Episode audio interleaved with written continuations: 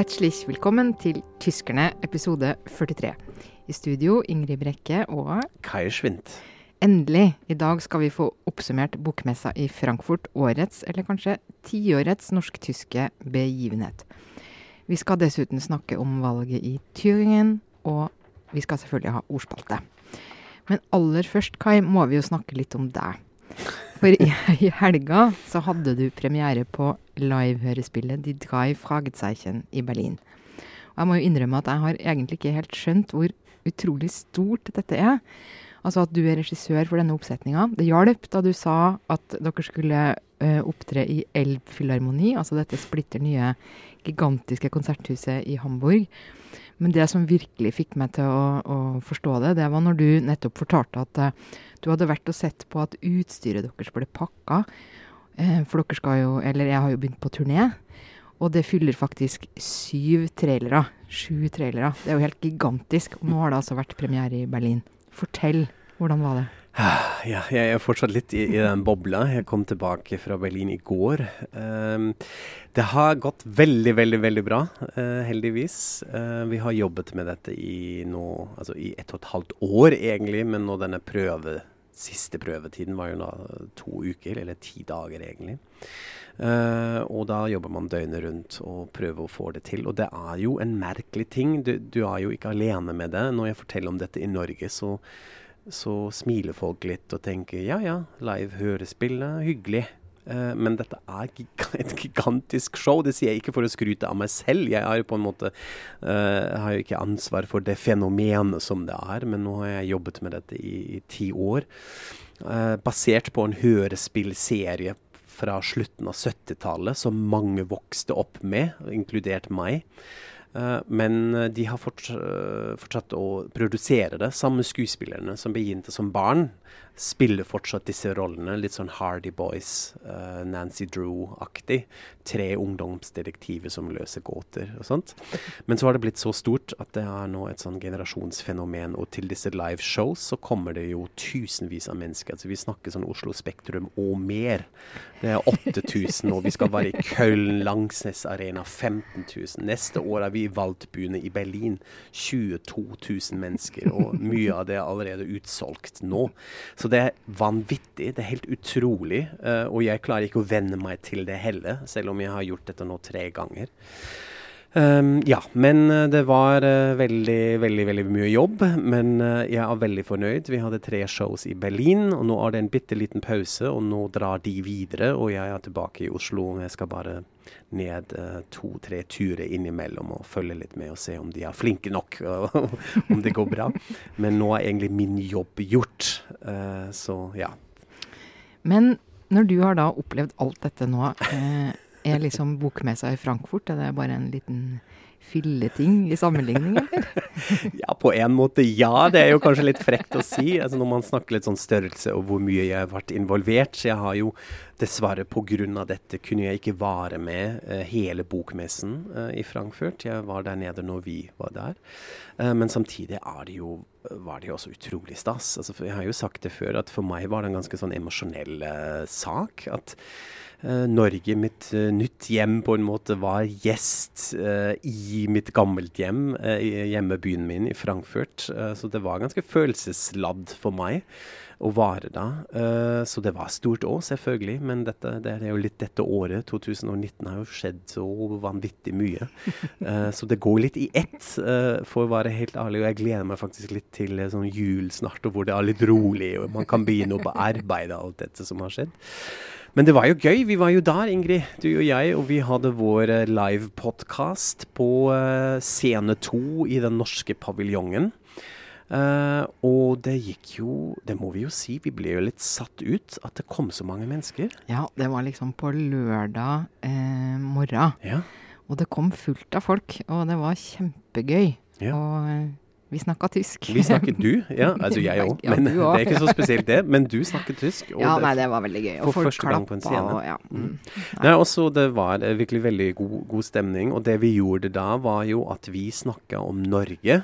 Altså Vi gjorde jo ikke det vi gjør her, hvor vi snakker om Tyskland på norsk, men vi snakker om Norge på tysk. Uh, og målet var litt sånn Norge hensides klisjeene, egentlig. Uh, fordi det var jo mye skryt på denne messen om Norge og hvor vakkert det er. Så tenkte vi vi burde ikke for liksom å ødelegge det, men kanskje litt sånn rette litt på det perspektivet og snakke om de ting som tyskerne vanligvis ikke hører om. Og Da snakker vi litt om uh, bompenger og Sylvi Lysthaug og uh, om uh, en del norsk mat og Mette-Marit på og ja, litt andre perspektiver. Og sånt. ja, og det gikk et gisp gjennom salen da du snakka litt om sjamanen Durek på slutten her. det Så det var veldig morsomt altså. Ja, ja det, det, det, funker veldig bra. Men du var jo på messen hele uka. Du ja. har jo fått med masse. Du har også satt på uh, scenen og uh, diskutert i paneler og vært med og sånn. Ja. Hvordan var det? Nei, det var jo kjempegøy. Jeg kom jo faktisk til bokmessa uh, før det åpna. Så jeg hadde jo tenkt at jeg skulle sitte på den plassen og spise mat og, og nyte sola og sånn på tirsdag forrige dag, men da hadde det ikke åpna. Da drev de og bygde den. Satt du helt alene? Ja, så jeg var veldig tidlig ute og fikk med meg åpninga og alt dette. Og så var jeg med utover, da. Nei, det var jo kjempegøy. Også, altså som en sånn storsatsing eh, fra norsk side, eh, så må jo dette kunne defineres eh, som en suksess i forhold til hva man eh, ønska og hadde tenkt, og hva man eh, planla. Det fikk jo det var veldig masse besøk. Jeg leste at det var en økning Nå har jeg glemt det tallet, men det var en økning i gjestepaviljongbesøk sammenligna med tidligere år, som var ganske stor. Ja. Eh, og uh, mediedekninga har vært enorm. De har jo talt opp i Nordla at de hadde 7000 artikler i tyskspråklige aviser bare på papir i løpet av den ene bokmesseuka. Eh, og i tillegg kommer jo da alt som er nett og TV og, og, sånne ting. Så kan man jo alltids diskutere da hva er verdien av det, og, og hvor mye av dette var Mette-Marit og toget og Knausgård og sånn. Men uh, når man også har lest litt uh, hva som faktisk står, så har man kunnet sett artikler som uh, arven etter, den litterære arven etter Knut Hamsun. vi kan også kanskje tenke at nå har Dag Solstad endelig slått gjennom i Tyskland etter å ha prøvd i 20 år, eller hva det nå er. Ja. Så det, har, det er mange ting. Og jeg ble jo også f.eks. intervjua av eh, Saglendische Rundfunk her i, i, sommer. Og da handla det om Utøya, norsk selvbilde mm. og sånne ting. Og jeg møtte hun igjen, hun journalisten, og hun lagde nå noe om Willy Brandts Norge. Eh, og hun sier at hun satt på masse opptak som hun skal lage programmer av etter hvert. og Sånn, sånn at sånn jobber også tyske journalister litt mer. Altså det Tempoet og aktualiteten er ikke så påtrengende som i norske medier. Så vi kommer til å fortsette å se ja. ting om Norge ut året, i hvert fall vil jeg tro. Eh, så medieeffekten har vært enorm. Og så er det jo igjen eh, det, hva, hva, er vitsen med det, og, og, oppnår man noe videre med det? Og så har jeg jo selvfølgelig tenkt mye på det som er vår vri på alt dette, nemlig at vi er jo egentlig mer interessert i at nordmenn og Norge skal bli mer interessert i Tyskland. Eh, og tror du det, det, har hatt noen virkning i den retning, Kai? Tja, det er kanskje litt for tidlig å si. Eh, et, et, litt sånn uh, irriterende svar er kanskje litt både og. Jeg, jeg kan tenke meg at man på en måte er fortsatt litt uh, låst i disse stereotype båset her i Norge. At man koser seg litt med å snakke om de stereotypiene, og uh, litt om Derek, og litt sånn de, de tyske klisjeene, og litt det med Berlin, og det er så billig da, osv. Men samtidig det, ser man jo en økt interesse også, som er kanskje litt mer nyansert sikkert også litt med disse TV-seriene å gjøre som kommer nå, og alt det da. Men i forbindelse med messe håper jeg litt på den effekten at også norske litteraturbransjen får litt mer lyst på mer tysk litteratur. At man begynner å prøve litt og oversette mer, og se litt at det er litt mer nyansert. At man går litt videre enn disse tyske klassikerne. Thomas Mann osv. Men at det fins andre gøye som man kanskje har møtt nå. Og da tror jeg også at spesielt i år, eh, Tysk-norsk litteraturfestivalen, som vi er jo også med, har kanskje også hjulpet litt. At man har møtt disse forfatterne her. Og det har vært samtale, og man hang litt i baren, og man drakk eh, en vin eller fem. og, sånn, og ble litt kjent. Det handler jo ofte bare om det. At ja. man møtes og blir kjent med hverandre. Så jeg er litt optimistisk da og tenker det kommer til å skje litt mer som går litt uh, hensides disse stereotypene. Ja. for jeg tenker jo også at det må jo ha en eller annen slags uh, effekt i det lange løp. At nå har altså hundrevis av uh, kulturmennesker, kunstnere, forfattere, forlagsfolk, journalister hengt rundt i Tyskland på en annen måte enn de har gjort før. Ja.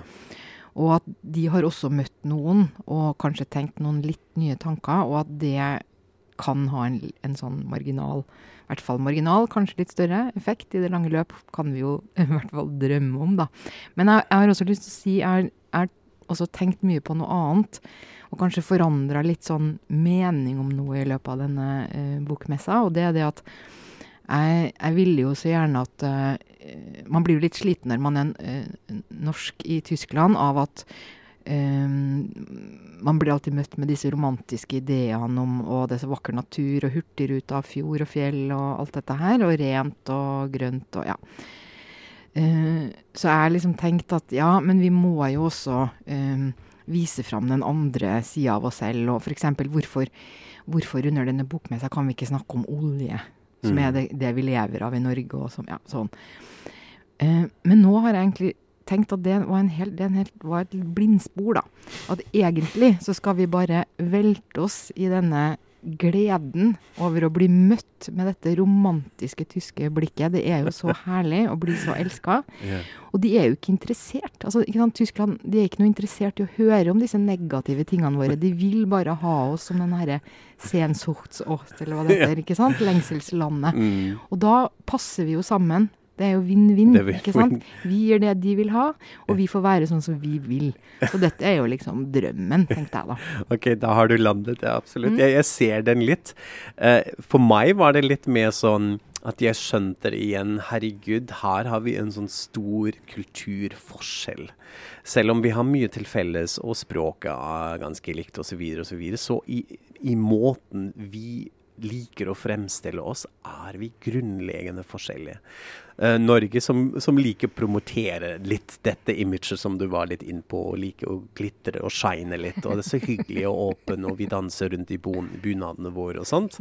Mens tyskerne er glad i å eksportere denne mørke siden på en måte. Altså vi har på en måte altså Selvfølgelig er det ubehagelig, men vi har også internalisert det så mye at dette er vår sånn go to-refleks. Det er sånn vi markedsfører oss, i anførselstegn. Uh, ja ja, andre verdenskrig, og hvor flinke vi er å bearbeide dette. Mm. Hvor mye vi snakker ja, om det. det. Ja. Og vi er jo det òg, på en måte, men det er en, en slags sånn Nesten et sånn uh, mønster hvor man er på autopilot. At man automatisk går dit. Og da har vi sånn helt to forskjellige måter å gjøre med det. Og nasjonaldagene våre er kanskje den beste uttrykksformen for det. 17. mai, barn, flaggvifting, Mette-Marit på balkongen. Tyskland 30 oktober, da er det merkelig svart uh, dress og cellosonater og sånn. Og da må vi aldri glemme. Så man hadde jo litt av det klasjet nå i Frankfurt, mm, også i den litt rare hvite paviljongen med eh, eh bilde av eh, skog i bakgrunnen, som en venn av oss mente å påpeke. Hvorfor var det som Waldsterben har på Skog, ja. Skogstød på bildet. Det var ikke akkurat meningen av designet. Nei, dette var jo norsk vinterskog, men ja. jeg skjønner tanken. Ja. Blir litt, blir litt feil, feil tolke. Ja. Nei, så vi, eh, vi får se uh, hva som skjer uh, etter bokmessen. Vi syns det var kjempestas at vi fikk lov å være med. Vi koste oss masse der. Mm. Og uh, det var sikkert ikke siste gang vi hang på den messen. Og også kanskje var i Tyskland og snakke litt om Norge. Vi får se hva som skjer. Men over fra kultur til politikk. Nå er det jo en stund siden vi har snakket om det. Men nå var det altså sånn at eh, årets siste delstatsvalg ble avholdt i Turingen nå på søndag. Hvordan gikk det da, Ingrid? Du har fulgt med? Ja, nei, det var jo et veldig um, spesielt valg. Um, Turingen er jo en liten delstat med drøyt uh, to millioner innbyggere. Uh, og det, hva som skjedde der, det ligner egentlig ikke på de andre. For der vant nemlig partiet De Linke, Venstrepartiet De Linke, med 31 eh. Og nå har jo De Linke regjert den delstaten de siste årene i en rød-rød-grønn regjering med delstatsminister Eller statsministeren der heter da Bodo Ramelov. Og en utrolig populær politiker, som da igjen klarte å, å vinne. Ja. Mm. Men så er det jo AFD. Som vi ikke klarer å ikke snakke om også Nei. der, fordi de gikk voldsomt frem, ikke sant? Ja, de gikk voldsomt frem. Mm. Eh, så de fikk 23,4% Og eh, det som er veldig spesielt Altså de ble da nest største parti, og større enn CDO og alle de andre. Eh, og det som er veldig spesielt i Tyringen, det er det at uh, For dette ligner jo på det som har skjedd i, i Saksen og Brandenburg tidligere i år, altså ja. andre østlige delstater, nemlig mm. at AFD blir det nest største partiet. Men uh, der f.eks. i Saksen da, så kan man si at det er en slags glidende overgang mellom AFD og CDO.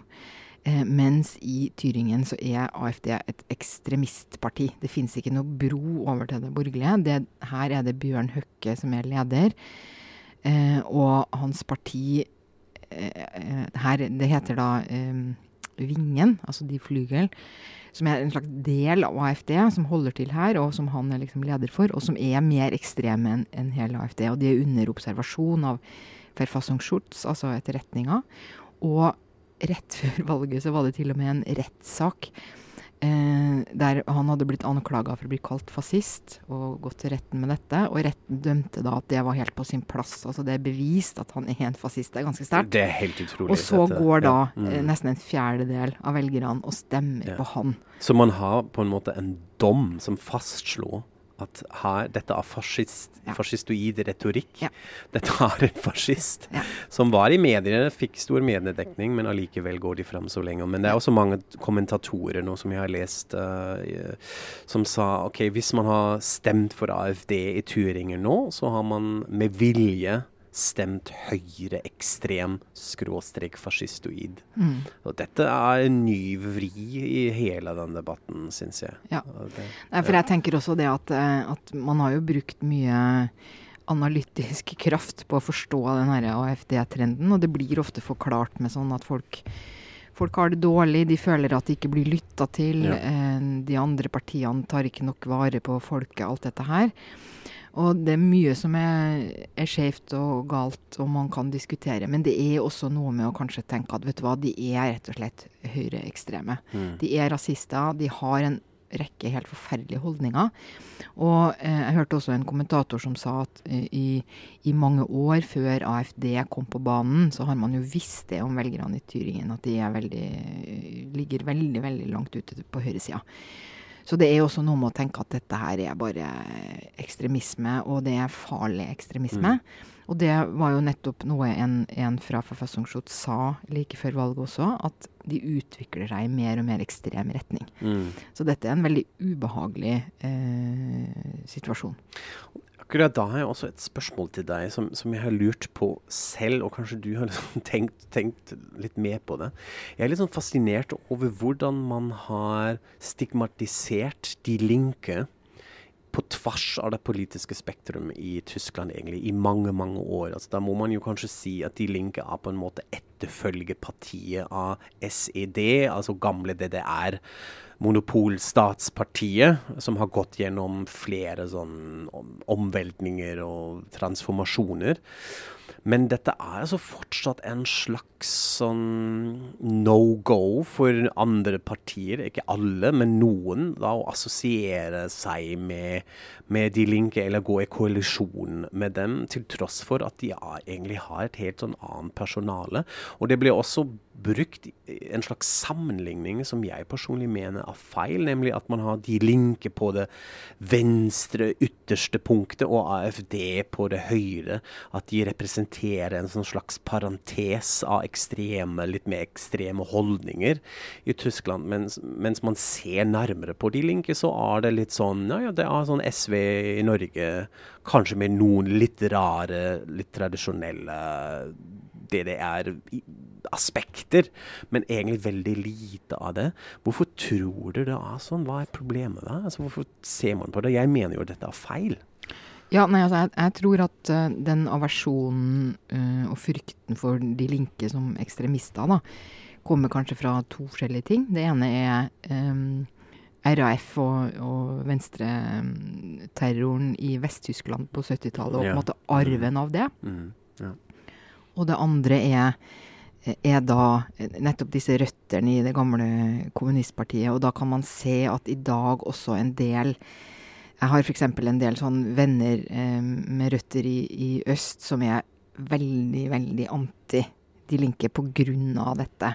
Og som selv da er ganske høyreorienterte. Altså ikke okay. sånn ytre, men Mm. sånn type CDO. Der finnes det sterke sånne krefter. Ja. Men jeg tenker også, som deg, at det er helt feil å snakke som om de er to likeverdige ekstreme partier. fordi at selv om de er Altså når du bare ser på skalaen, så ligger de jo på en måte lengst til venstre av de Mm. som stiller til valg, og lengst til høyre av de som stiller til valg. Men De Linke har jo altså Uansett hva man nå måtte mene om historien og arven og sånn, så har de jo i mange, mange år vist at de er innafor det demokratiske systemet. De aksepterer spillereglene. Mm. De har sittet i mange forskjellige koalisjoner. Og, og de er liksom med. Mm. Mens AFD, hva har de vist etter at de begynte å bli valgt inn? De driver bare sabotasje, Ja. og, og de vil ikke følge spillereglene, og de ødelegger. Og det tenker jeg er eh, en veldig god grunn til å si at dette er to helt forskjellige eh, type partier. Ja. Og så ser man jo det, det spesielle i Tyringen er jo også at han Bodo Ramelow han har, er jo litt sånn nesten løsrevet fra De Linke. Han er jo populær over hele det politiske spekteret, nesten. Um, og har jo drevet en litt sånn ego-valgkamp. veldig fokusert rundt seg selv. og mange i De Mm. Linke har litt problemer med det òg. Men men det, han har jo nettopp vist seg som en stor pragmatiker, og, og mange kaller han en slags sosialdemokrat. ikke sant? Ja. Sånn at eh, Ja, det er mange grunner til at dette er et eh, spesielt fenomen. Ja, altså. også, akkurat når man snakker om personer, det sammenligner Ramelow og Høkke, er jo virkelig Da har du det også svart på hvitt, på en måte. Altså Denne retorikken av Høkke er jo høres jo ut som Goebbels snakker eh, iblant. Så for meg er det helt, eh, helt åpenbart. Men hva betyr nå det valget for regjeringen i Berlin? Har det noen effekt? Det er jo nok en bekreftelse på hvor grusomt dårlig det står til med, med disse storkoalisjonspartiene. da. Altså, Ja. Både CDO og SPD gjorde et helt elendig valg. Altså Mm. Til sammen i Tyringen så fikk de like mye som De Linke. eh, sånn at det er liksom helt hinsides hvor nedover eh, det har gått. Og, og SPD, altså Sosialdemokratene, vet jeg nesten ikke hvor mye vi, vi orker å snakke om, for det er bare en sånn rullende tragedie. Men, men det vi også ser nå, det er at CDO jeg tenker jeg er i ferd med å virkelig begynne å slite litt på samme måten. De driver intern maktkamp. Og nå kommer det igjen etter dette valget. Eh, så er det raskt folk ute da mot Annegret Kramp-Karrenbauer, partilederen. Og da blir det jo selvfølgelig brukt også dette at det går så dårlig i delstatsvalg. ikke sant? At hun Mm. skulle jo få partiet litt sånn på rett kjøl igjen etter at nedgangen var begynt, og det har hun på en måte ikke klart. Um, så det er virkelig sånn harde, harde tak. Og hva skal man si? Nok en gang er regjeringa svekka. Jeg vet nesten ikke hvor mye mer eh, det er å si om det enn det samme som blir sagt igjen og igjen. Altså. Mm. Så kanskje vi heller skal snakke litt om eh, ord. ja, vi har, ja, nok. La oss heller snakke, snakke om ord. Ja. Ja, for du har jo funnet et Ja. ord, Kai. Ja, jeg kom på et ord, og jeg tror det var i Frankfurt vi snakker om dette. Og da møter jeg litt sånn tomme blikk rundt meg, fordi dette er noe sånn spesielt. Det er et tysk ord som jeg måtte da forklare, som, som ingen av dere har hørt, nemlig korintenkacke. Uh, en person som bæsjer korinter, hvis man sier det på norsk, altså sånne små rosiner. Mm. Eh, og det må man ikke ta bokstavelig. Dette er ikke en sykdom eller et sånn fetisj eller noe fælt. Uh, dette, dette er en, uh, et begrep for en, pedant. Altså en person som er irriterende pedantisk. Som liker å påpeke små feil som er litt unødvendige, eller mansplaine ting i jarl eller sånn. Og da sier man 'Å, herregud, for en korintenkake'. Det er ikke så vanlig å bruke det lenger, men det er eh, i hvert fall jeg hadde det som en slags refleksord i, i en kontekst. Så det er noe spesielt. Dere har ikke noe lignende her, ikke sant? I den retning ikke man som jeg kommer på i farten, nei. Nei. Men okay. jeg fikk jo litt sånn andre assosiasjoner når du eh, sa det ordet, for da tenkte jeg på rosinenpikkerai. ah, ja, ja, ja. Eh. Fordi korinter og rosiner er jo en slags søsken, da. Ja, ikke sant? Men Mm. er Hva var dette igjen? At man er eh, At det er andre siden av det uh, ordet? At man liker å påpeke de, de, små, små feil, eller Nei, dette er jo eh, at man plukker rosinene ut av bollen. Altså at man bare velger Ja, seg de gode biter? Ja, mm. OK. Mm. Eh, så det er jo sånn som Tyskland anklager Storbritannia for å ville gjøre med brexit og sånn, f.eks. Ja. At nå skal de bare ha godbitene fra EU og ikke, ikke selve hvetebollen. Ja, ja. ja, ja, riktig. OK. Så da har Så de, det, de ja. har bare til felles at det har noe med uh, ja. rosiner å, å gjøre. Eller døde druer, som min søster uh, kaller, kaller rosiner. Ja, eh, nå må vi snart eh, runde av, men før vi gjør det, er det jo veldig veldig viktig at vi informerer dere om noe. Fordi nå har vi eh, satt på en scene live i Frankfurt, men nå skal vi gjøre det igjen i Oslo. 9. på Litteraturhuset i Oslo skal vi faktisk snakke om 9. november, som er jo en slags skjebnedag for tyskerne. Eh, nå er det 30 år eh, siden murens fall. Dette skal vi jo snakke veldig mye om, fordi det skjedde da på 9. november. Det var da grensene åpnet seg. I hvert fall ikke at hele, hele muren kollapset på en kveld, men eh, grensene åpnes. Men det har skjedd mye annet også i tysk historie, f.eks. en Krystallnatten i 1938, som har ganske mørkt kapittel og sånn. Så for tyskerne er det virkelig en sånn veldig oppladet dag, og det er også på en måte litt vanskelig å feire den sånn sett. Eh, det blir nok denne tyske måten med svart dress og, og cello-sonater Ja. og sånn. Men dette skal vi også snakke om, eh, og eh, det er veldig hyggelig hvis mange lytterne tar turen dit. Det er gratis adgang. Vi begynner klokka seks, og det varer sånn en time eller sånt. Ja. Så vi ja, ser frem til å se mange av dere. Det hadde vært hyggelig Ja, hvis dere kommer igjen. Det gjør vi.